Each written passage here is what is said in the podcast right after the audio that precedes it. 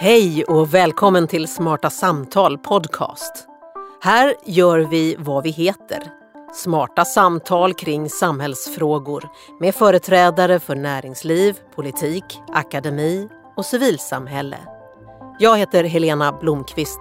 Jag är journalist och jag är med i Smarta Samtals programråd. Det mycket aktuella temat idag och förmodligen imorgon är sociala medier, techjättarna, begreppet fake news och vad de innebär för demokratin. Det här samtalet är också en del av ett större demokratitema. Nästa del är Smarta Samtals frukostsamtal live på Playhouse Teater den 16 maj. Då handlade det om hur demokratin borde uppdateras och hur den skulle kunna se ut i framtiden ur ett bredare perspektiv.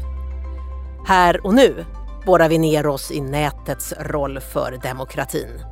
Vilka hot och vilka möjligheter finns? Vi välkomnar tre smarta gäster som ska diskutera detta. Hej Patrik Oksanen! Hejsan hejsan!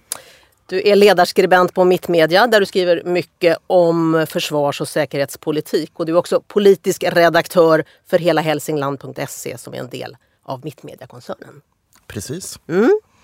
Och vi säger välkommen och goddag till Joakim Jardenberg. Hejsan. Hej. Senior rådgivare om, me om, om media och om internet.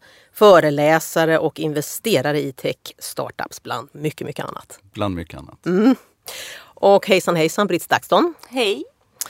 Du är mediestrateg som nu också bland mycket annat driver podden Hashtag Backa demokratin som belyser frågor om nätets påverkan på demokratins utveckling, var min fria tolkning. Ja, stämmer bra det. Mm.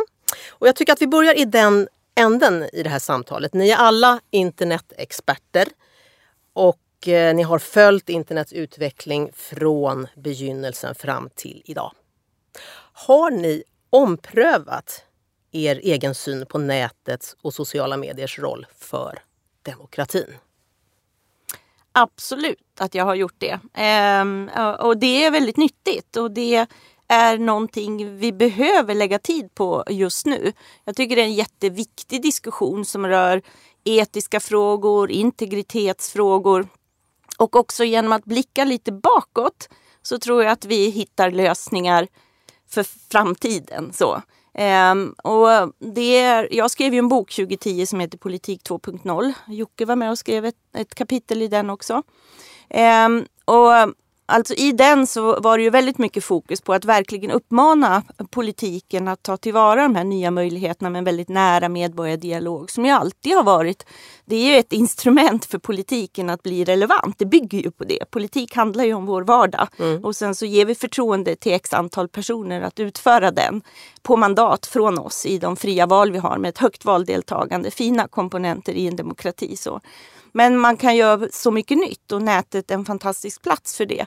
Men det är klart att jag, eh, jag brukar säga nu för tiden när jag föreläser så, så säger jag till min publik att jag vet inte riktigt var jag hamnar. Ibland kan jag nästan stå tårögd på scenen och tappa fattningen för en stund.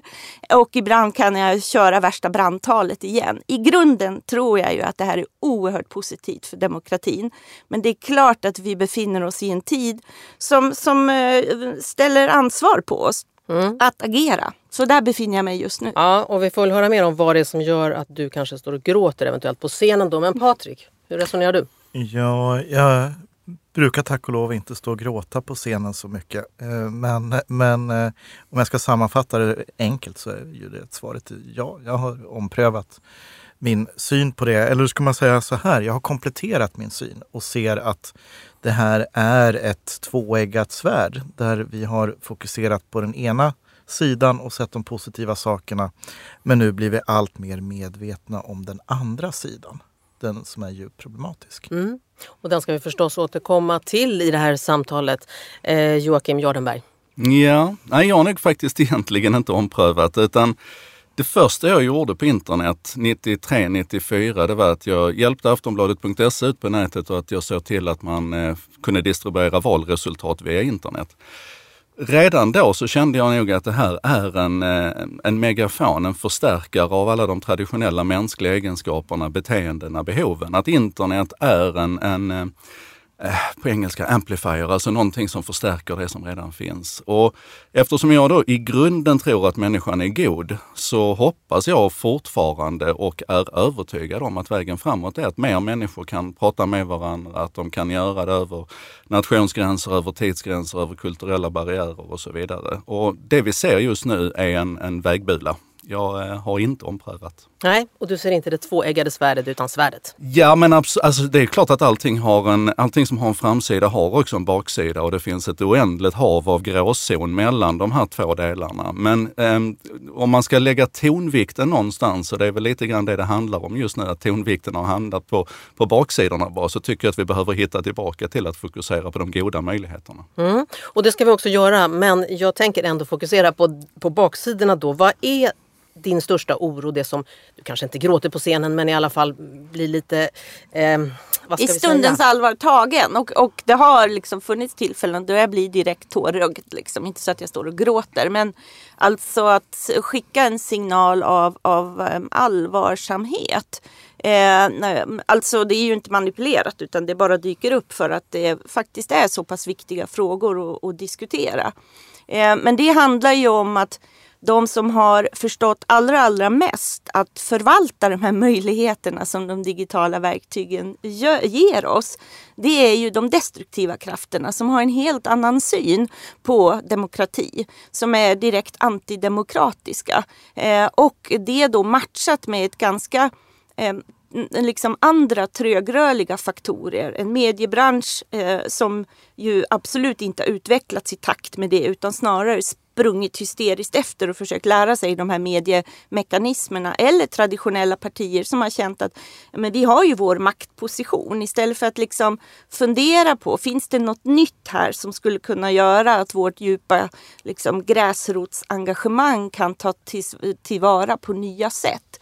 Och det är ju den, den, stora faran att det är just mer antidemokratiska krafter som har förstått att hantera verktygen. Så där finns min stora oro som är mer åt en dystopisk bild. Och, mm. och sen handlar det förstås om att det finns en pedagogisk poäng med att någon som så tydligt har burit brandfacklan om demokratins möjligheter faktiskt eh, bjuder på sina egna reflektioner. Jag har ju mm. perioder varit helt tyst de senaste åren. Mm. Men nu... Och där vill jag bara haka på lite grann det som Britt säger för att det som är viktigt att komma ihåg här är ju de destruktiva krafternas målmedvetna sätt att använda det här verktyget mot demokratin, mot oss. Och då pratar vi både om, om ideologiska grupperingar men också statsaktörer som gör det här på en, en industriell skala och använder andra metoder som hakar in i det här för att förstärka budskapen. Göra den här amplifyingen som, som Joakim pratade om inledningsvis på ett sätt som, som har, jag måste säga att det har överrumplat oss mentalt i västvärlden. Vad är det vi, du tänker på då? Nej, men jag tänker till exempel på, på eh, om vi tar, tar eh, de, den, eh, det som händer i amerikanska presidentvalet, ett sånt typexempel på hur en statsaktör, Ryssland i det här fallet, kan gå in på olika sätt och, och bidra till att manipulera en valrörelse till att handla om vissa frågor. Till exempel genom cyberintrånget då, och stölden av, av Demokraternas e-post. Hur man placerar ut det, hur man förstärker den på bottar och använder också då aktörer i sin trollfabrik i Internet Research Agency i Sankt Petersburg till att faktiskt organisera fysiska evenemang i USA bland aktivister och få dem att agera. Mm. Eh, det är liksom en, en, en, tekniken har liksom gett möjlighet till en, en till att helt enkelt förstärka saker och ting som vi såg under kalla kriget. Men internet har ju inneburit att det är billigt, snabbt, enkelt och riskfritt att göra det på en helt annan skala än vad vi såg under kalla kriget. Och det blir problematiskt. Och där, det, det gör att vi, jag vill gärna också fokusera på de positiva sakerna, lyfta upp dem, men tills vi har, har lärt oss hantera de här negativa sakerna så, så kan vi inte bara liksom vända blicken och titta på det positiva för då kommer det äta upp oss. Mm. Jo, ja, ja, jag bara mm. känner innan vi går vidare, så jag, mm. jag, tror att vi bara måste försöka dekonstruera den här idén om att de destruktiva onda krafterna är bäst på att använda internet som, som ett verktyg. Jag tror vi glömmer en herrans massa saker då. Vi glömmer att Google är en fantastisk resurs för oss alla för att hitta information och motverka bland annat ryktespridning och, och, falska nyheter genom att det blir så mycket enklare att, att leta upp källor. Vi glömmer bort att Wikipedia, bland det mest fantastiska som mänskligheten tillsammans har skapat, i sig är skulle jag påstå, duktigare än några traditionella aktörer i samhället på att hålla emot fake news och hålla emot de, de destruktiva krafterna och så vidare. Så att jag tror mer det handlar om, som jag sa, en vägbula. Vi har inte riktigt knäckt hela den här koden än och om vi lägger fullt fokus på, på problemen nu så är nog risken att vi tappar bort lite grann av det momentum som vi hade i internets början. Alltså när, när det goda och det onda fick lov att utvecklas parallellt. Jag menar, jag tror inte vi hade sett Wikipedia kunna växa fram idag. 2001 hade vi ett helt annat klimat och det tror jag vi ska vara otroligt tacksamma för. Men där, där om vi backar bandet och tittar histor historiskt, när dyker internet upp då? Den dyker upp i en väldigt unik situation i världen. Vi lever i den tidsålder då som Francis Fukuyama, då, hans bok eh, eh, Slutet på historien, egentligen symboliserar den tidsepoken. Vi trodde att liberal demokrati var ödesbestämt att vinna i hela världen. Det var bara en tidsfråga när det skulle gå åt det hållet. Eh, kommuniststaterna föll, muren hade fallit, Sovjetunionen upplöst, det var frihet, det var liksom yes, eh, nu skulle världen bli god. Och inga människor skulle väl kunna hitta på någonting ont och elakt mot, mot våra demokratier. Eh, internet då växer ju i den eran, i den så att säga kognitiva förståelsen av vart världen är någonstans. Precis, och det är exakt det jag säger att eftersom vi hade den attityden och det förhållningssättet så såg vi de goda redskapen växa fram då. Nu har vi ett annat förhållningssätt och då är ju risken att vi gräver ner oss i de dåliga eh, de dåliga, eh, vad ska man säga, de dåliga output, alltså de, de, de dåliga konstruktionerna för att vi har ett annat mindset. Men de... Förstår du vad jag menar? Jag, jag förstår mm. vad du mm. menar men min poäng här blir ju då att, att det är snarare att i, i mänsklighetens historia så är jag rädd för att, att den här epoken som var fantastisk är snarare parentesen än, än, den, den, den, en, en regeln i men, det vi ser. Men det var inte omvärlden som gjorde att Google och, och, Wikipedia kunde uppstå utan det var ju människors mindset. Och hade vi haft ett sånt positivt och framåtriktat mindset nu så tror jag att vi hade haft enklare att, att överkomma de utmaningar som faktiskt finns i världen av idag. Och, och i och med den nya digitala världen så är det ju lättare än någonsin att ge sig in i till exempel politiken. Eh, sociala medier och internet eh, i stort gör ju att det är ganska enkelt att nå ut med sitt budskap, att driva kampanj och organisera politiska rörelser. Eh, ja, jag brinner för att ge människor verktyg. Jag vill att alla ska känna och agera. Hur man gemensamt, det är ju en av de största frågorna vi inte pratar om nu. Det är jag, jag, jag och min yttrandefrihet men at the end of the day måste vi enas om, som ett kollektiv, vad ska vi välja för att kunna ta kliv tillsammans? Vi måste ju enas och ha gemensamma beslut. Mm. Hur det ser ut, det är inte min uppgift att komma med färdiga lösningar för. Sen skulle jag vara, tycka att det är en mörk tid att vakna upp med en väldigt antidemokratisk lösning. Men det vet inte jag hur människor vill ha. Det tänker inte jag. Mm. Hur ser du Patrik på detta? Att det är väldigt, väldigt lätt att skapa politisk eh, opinion och bilda politiska Men organisationer. Det, det vi ska komma ihåg är att det är väldigt lätt att skapa ett intryck av en politisk opinion. Eh, som, som lever ett liv i sociala medier och som gärna ser och gärna ger intryck av att det är starkare än vad det är. Vad menar, där, du, med, vad menar du då? Ja, men jag menar att det är ju inget svårt för, för tio personer att ha tio sociala mediekonton och så drevar man eh, och skickar mejl och, och kommenterar intensivt och sådär. Och, och, och då ger ju intrycket av att du är hundra personer och hundra reaktioner från olika sociala mediekonton på en, en vanlig artikel eller en, en, ett inslag på SVT eller så. Det blir ju liksom till en, en, en tittarstorm, läsarstorm. Mm. I, vilket i media, basunerar ut då? Ja, och vilket media då basunerar ut mm. det.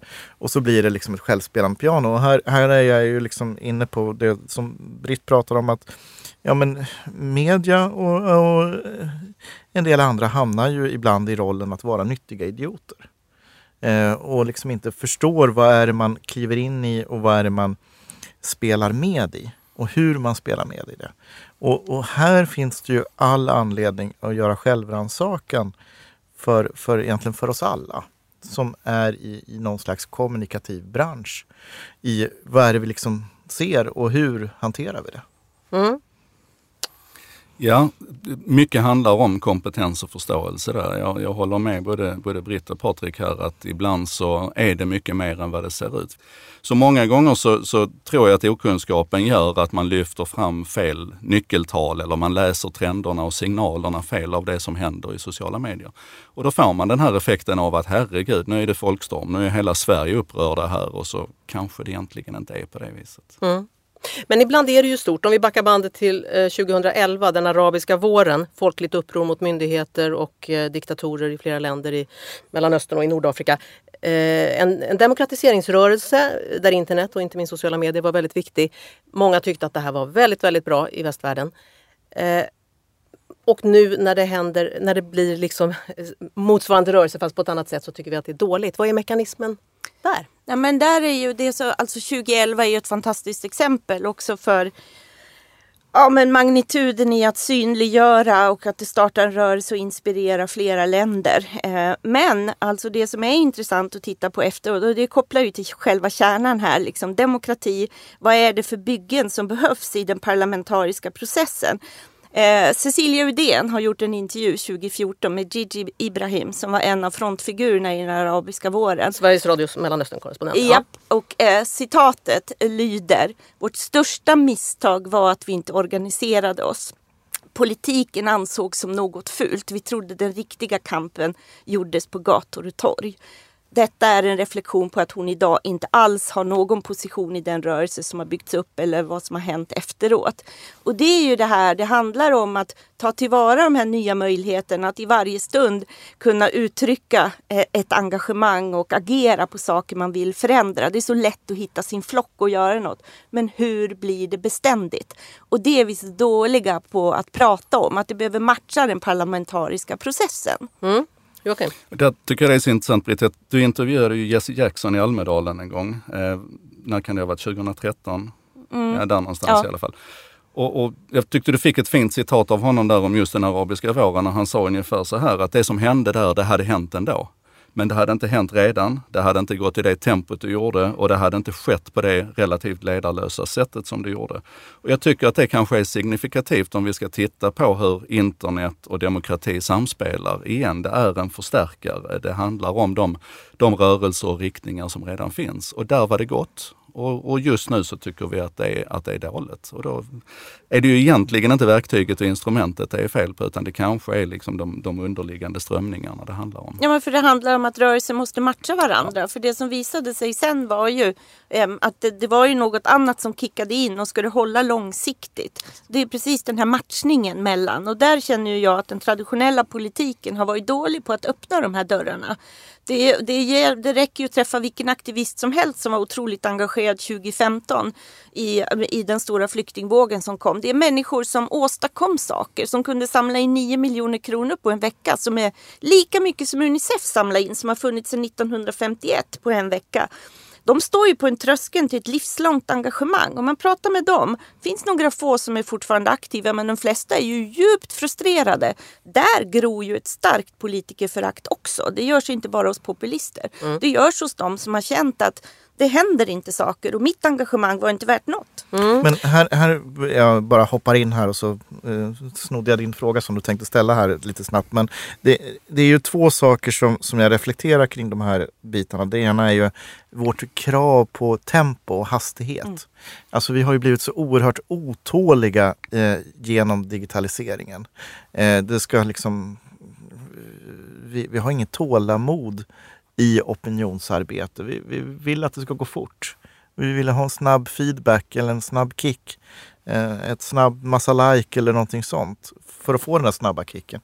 Att påverka ett samhälle, ett beslut eller eh, göra, åstadkomma någonting. Det kan ta åratal av, av uthålligt medvetet engagemang.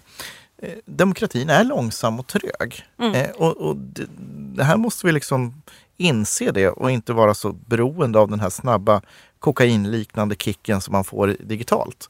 Eh, och den andra reflektionen, det är ju, eh, och egentligen så lånar jag den här reflektionen från Mikael Kurkiainen som är docent i Svenska kyrkan, jobbar med, med omvärldsanalys, omvärldsspaning, som jag lyssnade på på ett seminarium uppe i Umeå och sen har jag pratat också i en podd med ärkebiskopen Antje Jackelén om, om det här också. Men digitala svärmen, alltså vi lever i en svärmens tid. Det blir liksom en snabb koncentration av engagemang mot en, en punkt och sen så drar svärmen vidare. Och svärmen kan ju också vara en hatsvärm som fokuserar på en person och som liksom hoppar på och sen drar vidare.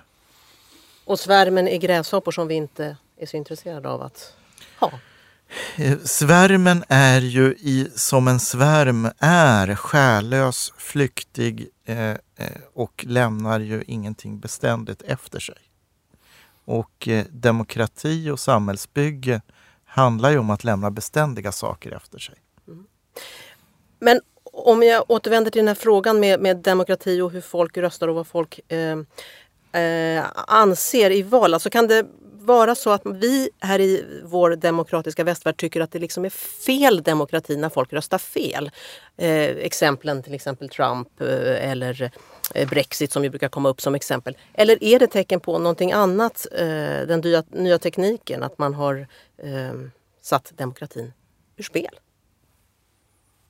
Nej men rösta fel, jag menar, vi ska komma ihåg att, att, utan att göra några jämförelser för övrigt med de sakerna du nämnde, så ska vi komma ihåg att Adolf Hitler kom till val i, i, i, parlamentariska val, eller kom till makten i parlamentariska val.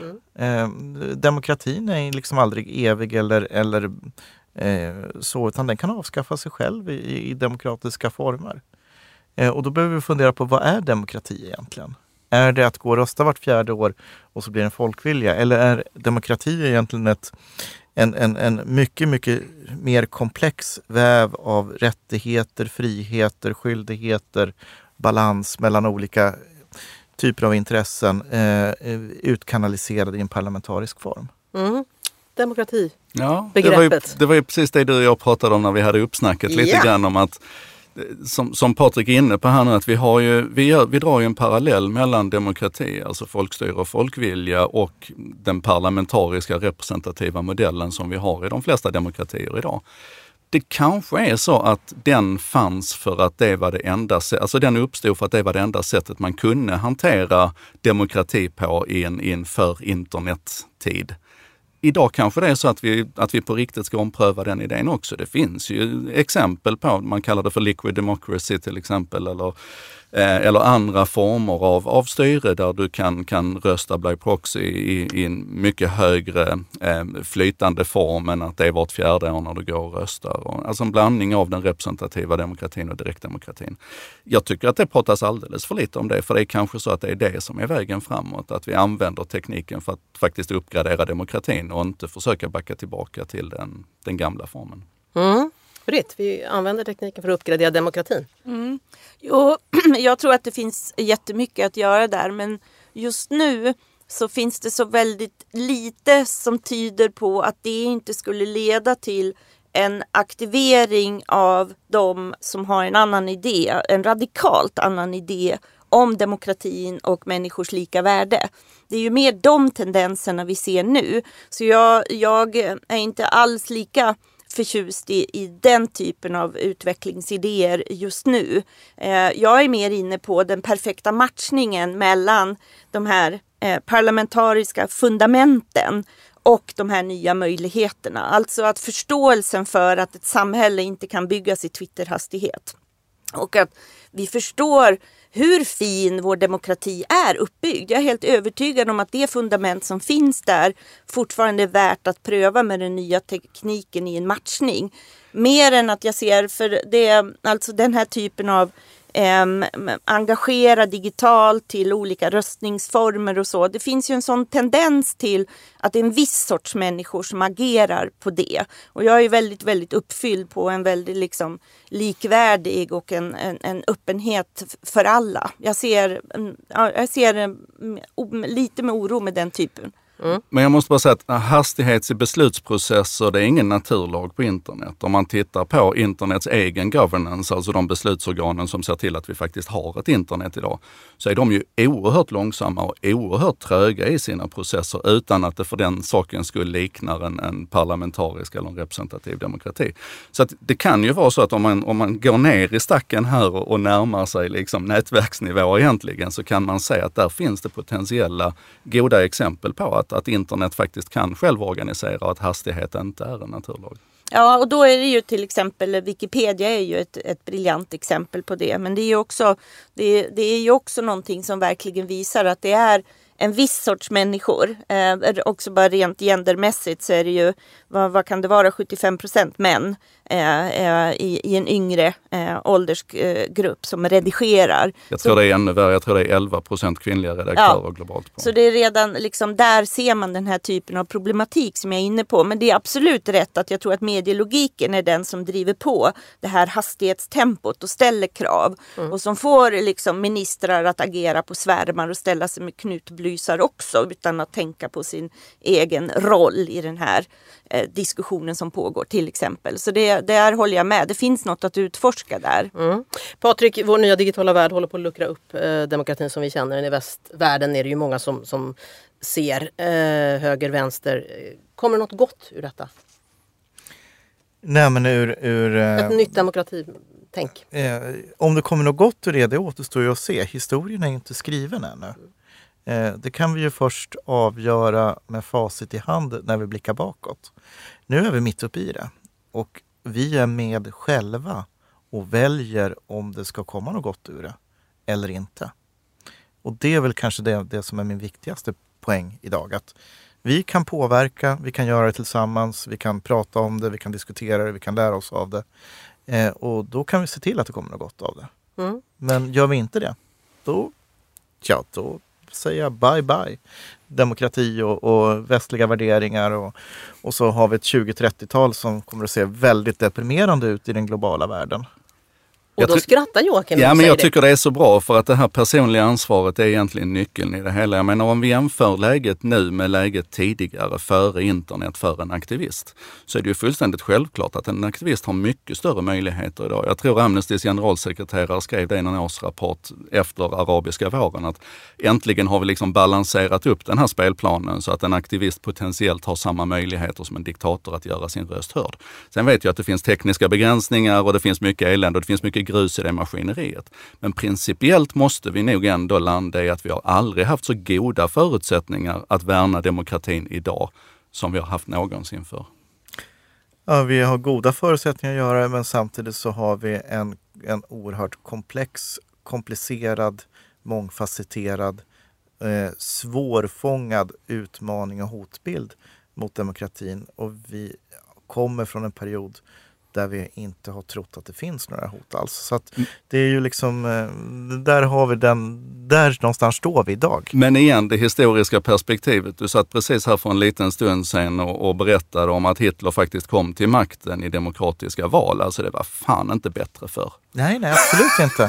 Men, men det jag menar är att vår mentala beredskap att att kunna undvika att de sakerna inträffar är lite sämre eh, efter att vi har levt i en period då vi inte har tänkt på de här hotbilderna. Om du då jämför med generationen som levde och såg konsekvenserna på ett väldigt handgripligt sätt av vad det 30-talet ledde till. Men samtidigt så visar ju undersökningar som Svenskar och internet att, att de, de duktigaste idag på källkritik och att faktiskt liksom förhålla sig på ett, på ett eget och medvetet sätt mot den informationen som strömmar över dem, det är ju de yngre grupperna. Alltså de som faktiskt har vuxit upp med det här från början. Jag tror att vi gamla gubbar och, och damer som sitter här runt bordet, jag tror att vi kanske har ett lite trasigt perspektiv på, på eh, hur kidsen kommer att ta den här möjligheten och springa med den. Nej, men, jag, men, då måste jag berätta. Mm. Jag har precis eh, varit på 40 skolor och jag har träffat 1100 elever och då det har varit lyx att med de unga få prata om organisationsfrihet. Tänk, vi kan starta en organisation och se ge exempel på vad en organisation gör och vad det skiljer sig mot ett upprop. Samtidigt visa kolla här är en tjej som har samlat in 2 miljoner kronor på 24 timmar med Swish. Det får de unga ta upp mobilen och nästan titta på den magiskt.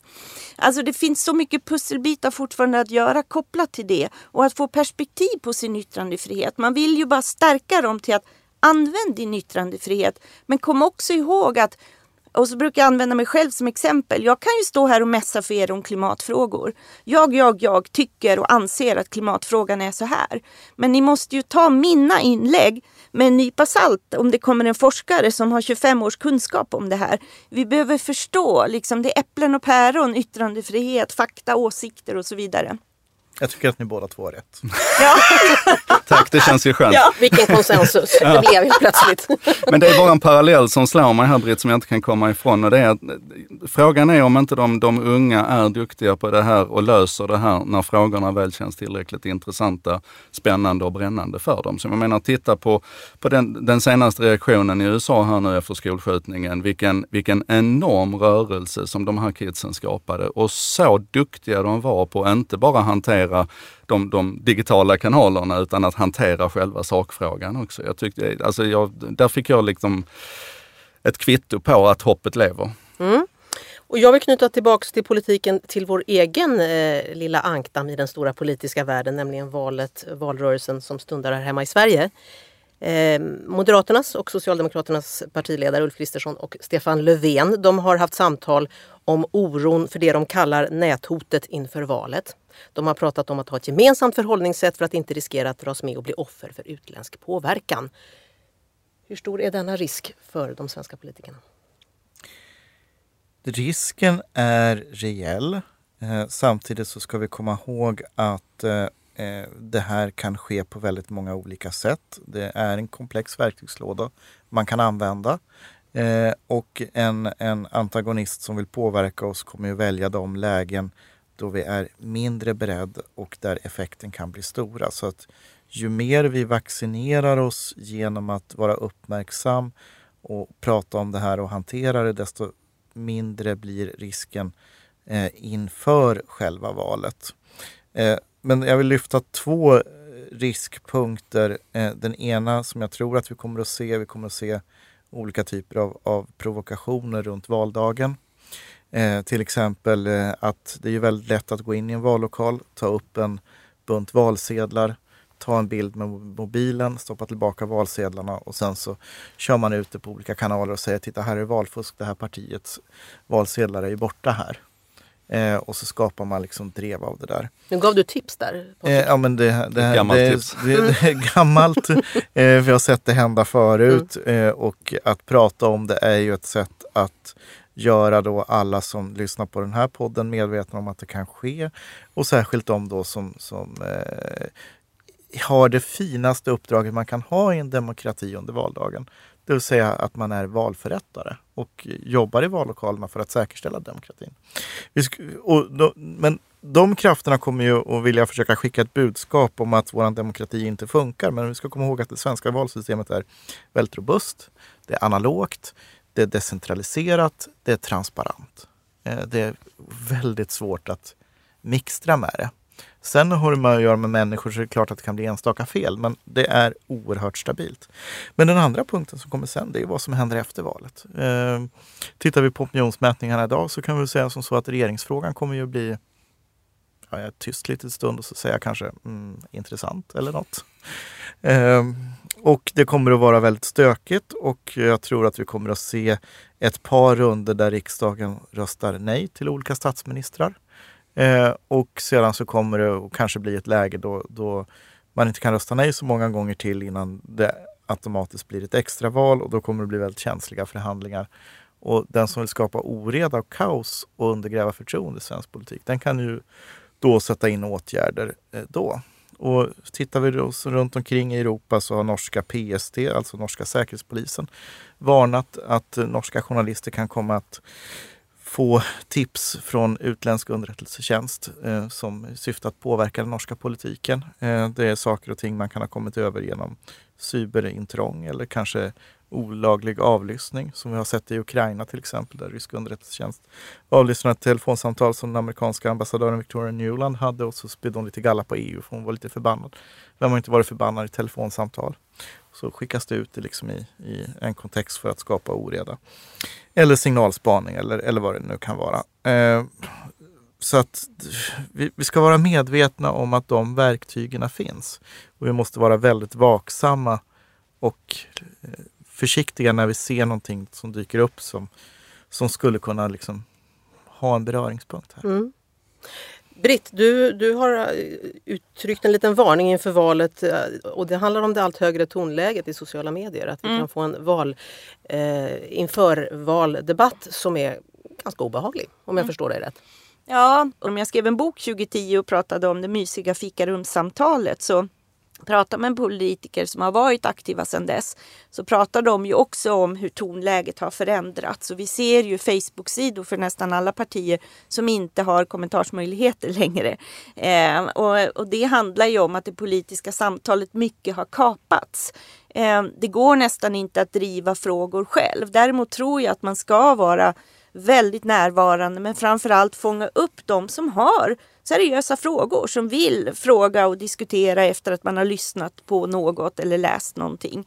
Men eh, det är ju så att den politiska planeringen kommunikationsmässigt tenderar att gå i en fälla över att man tror att samtalstonen på nätet ska vara på ett visst sätt för att kunna sticka ut. Och då matchas det av ett medieklimat eller en medierapportering som gärna fångar upp det här lite spetsiga, skruvade som är de här som båda, eh, både Patrik och Jocke har pratat om lite. De här stormarna som inte är stormar och så.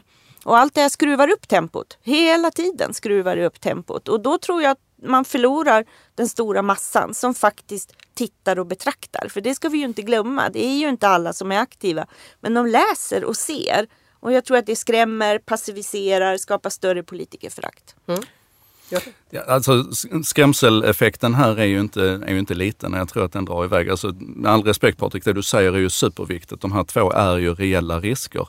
Det behöver vi nog bara höra så många gånger, eller gemene man behöver höra det så många gånger. Vad vi sen behöver är ju ett, ett, ett, medielandskap med traditionella medier som kanske sänker tonläget lite grann och hjälper till att folkbilda istället för att underblåsa de här konflikterna. Vi behöver att var och en tar ett lite större ansvar för att ja, lita på robustheten i systemet, ta ett djupt andetag, ägna sig åt källkritik. Vi kanske ska folkbilda om generositetsprincipen, att inte omedelbart utgå från att den som inte tycker som jag är en komplett idiot. Alltså det finns så mycket vi kan göra för att ska man säga, skapa ett annat diskussionsklimat. Inte minst föregå med gott exempel. Det, det är kanske det första vi ska göra. Och där vill jag bara flika in att tyvärr har ju valrörelsen redan spårat ur i samtalsnivå på nätet med, med liksom hat, hot, eh, sexualisering på ett helt vedervärdigt sätt. Och det är liksom hela tiden på olika företrädare.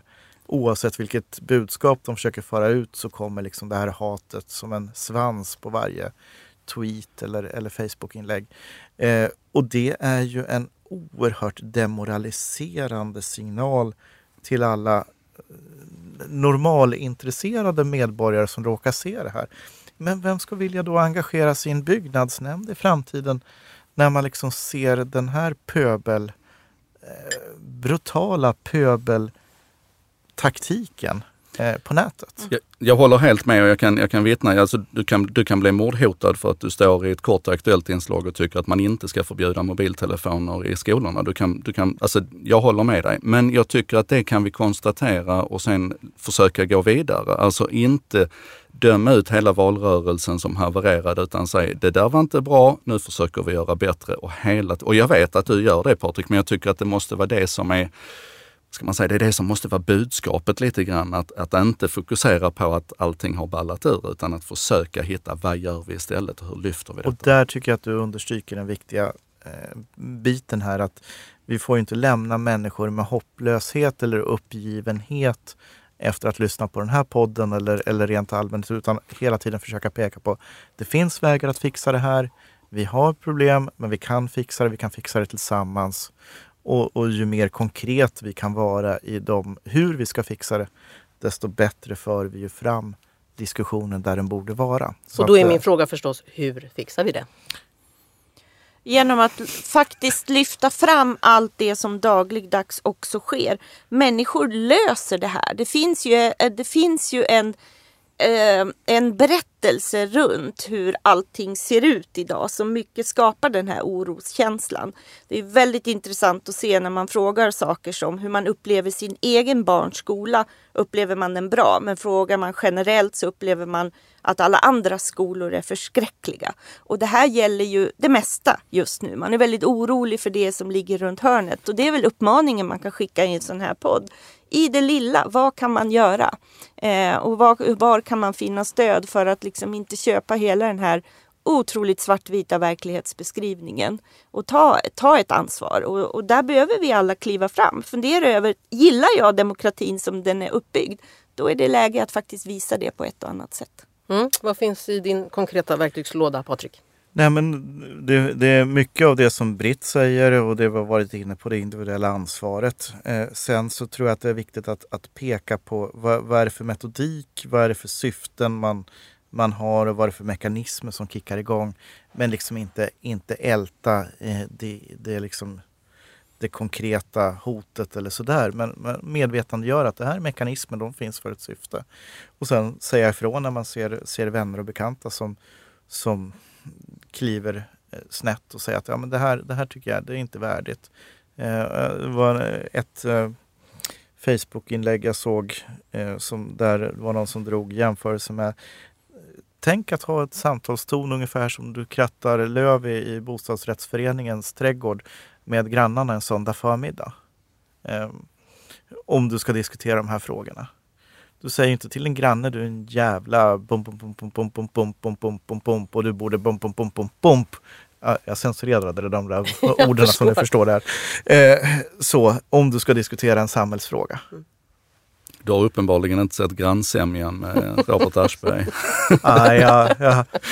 Jag tänkte just säga just Det finns alltid undantag ja. som bekräftar regeln. Och där är vi inne på en sak som jag tycker att man ska göra. Det är att vi måste komma förbi det här med anekdotisk bevisning. Alltså att man, man fångar ett speciellt case där, där saker och ting har gått snett eller där det inte har fungerat som det var tänkt och sen så gör man det till en generell världsbild och så eldar man på det.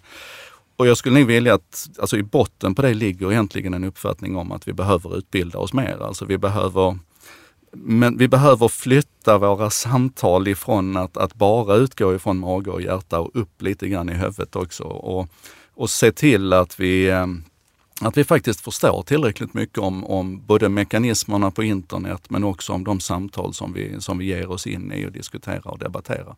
Jag tror att, jag menar om du, om du ser två professorer diskutera med varandra som båda två är djupt insatta i ett ämne så är det ju sällan som de liksom börjar kalla varandra för okvädesord.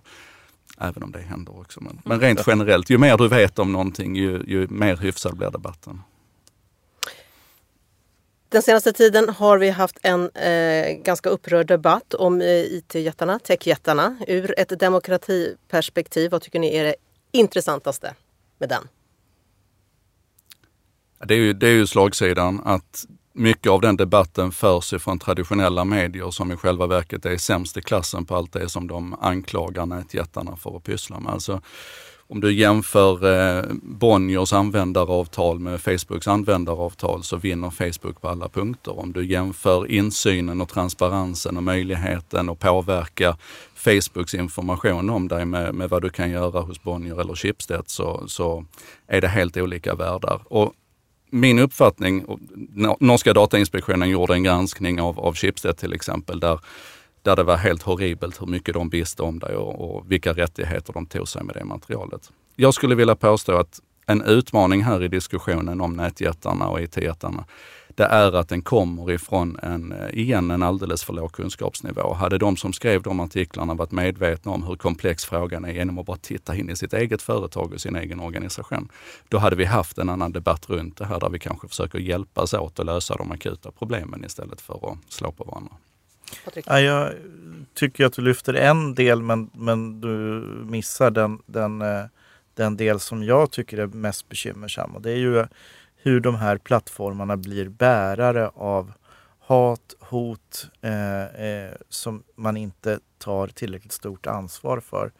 Eh, och då hamnar vi i en diskussion, vad är de här för, för djur? Är de publicistiska djur eller inte? Det är nog en helt annan podd, det har vi inte tid till att reda ut nu. Men, men, men de är vinstdrivande företag kan de, vi konstatera. De, de är vinstdrivande företag, de erbjuder då möjligheter till att till att eh, vara plattformar för förtal, hot, upphovsrättsintrång och så vidare.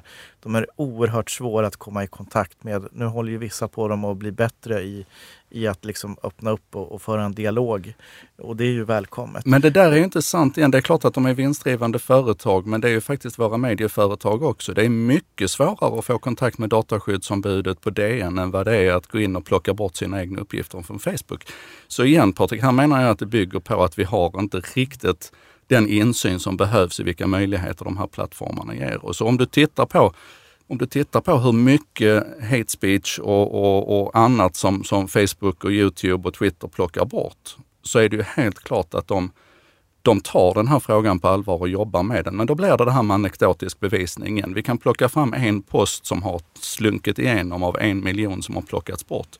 Och så fokuserar vi på den posten och så säger vi, titta här vilken plattform de är för hat.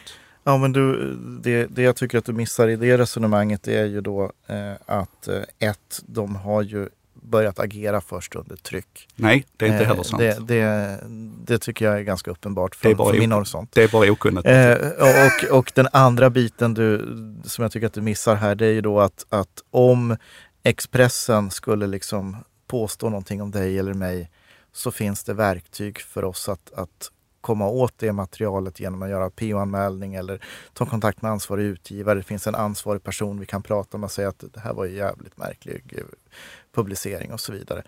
Där bidrar liksom deras svårtillgänglighet i kommunikationen eh, till, till problemet. De är mycket lättare än vad det är att få, få en rättelse från Expressen. Britt?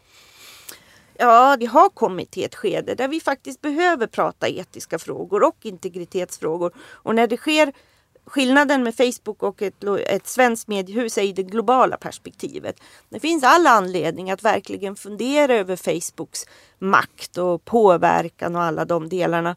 Men för mig öppnar det också det perspektivet av att det fantastiska är att vi är mitt inne i en utveckling. Det är bara 44 procent av världens befolkning som är uppkopplade ännu. We are in for a ride. Och när de över 50 procenten kopplar upp sig och gör det på sina villkor det kommer dock påverka spelplanen och det är också intressant. Jag vill inte vara med och bygga berättelsen som att all förändring i världen och all gemenskap ska göras från Facebook. Det är vi människor som gör det. vad vi kommer använda för verktyg, det, det står i framtiden lite. Mm. Hörrni, vi ska avsluta. Eh, ja, vi har pratat om demokratin. Många tycker att det är en orolig tid för demokratin. Eh, det som vi känner som demokratin skakar i sina grundvalar. Eh, kommer en ny bättre demokrati ur detta så småningom? Och hur tänker ni att den i så fall ser ut? Joakim?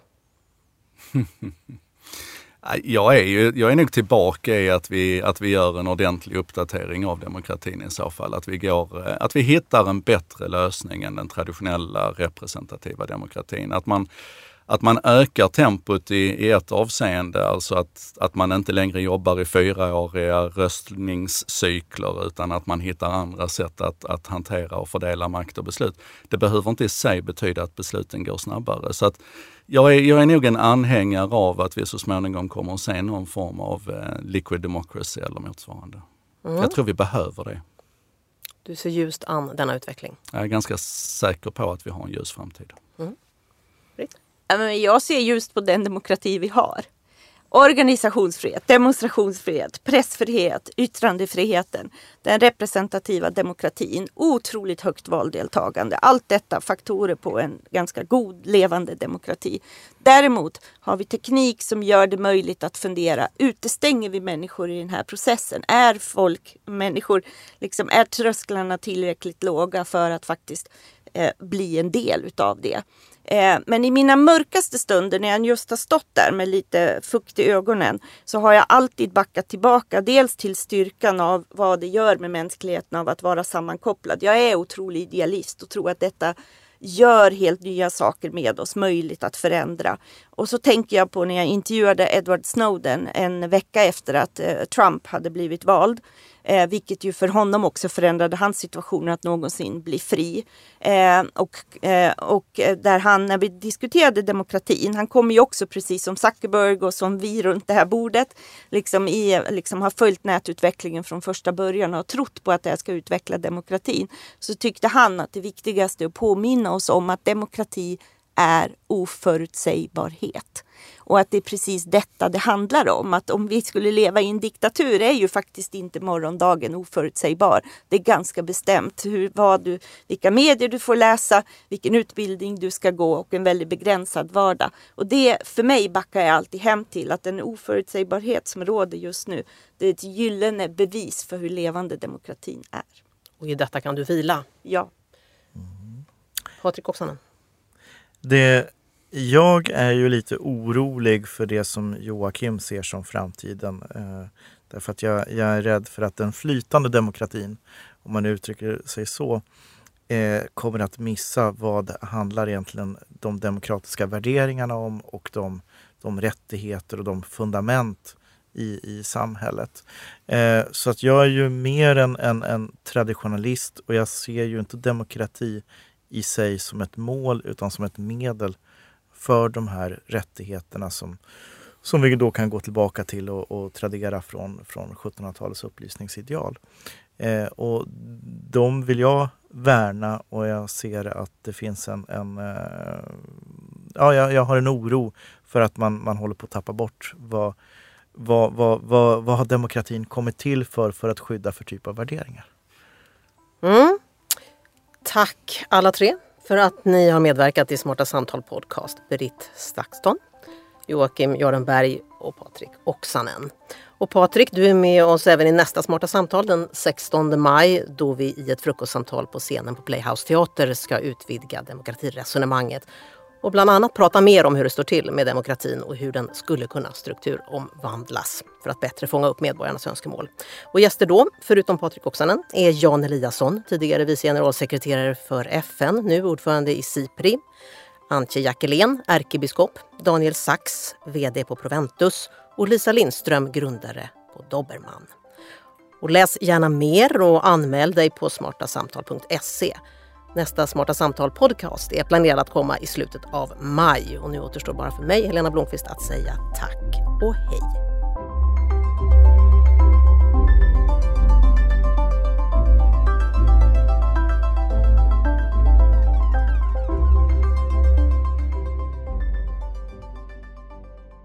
Det här programmet görs på Beppo. Beppo. Beppo. Beppo.se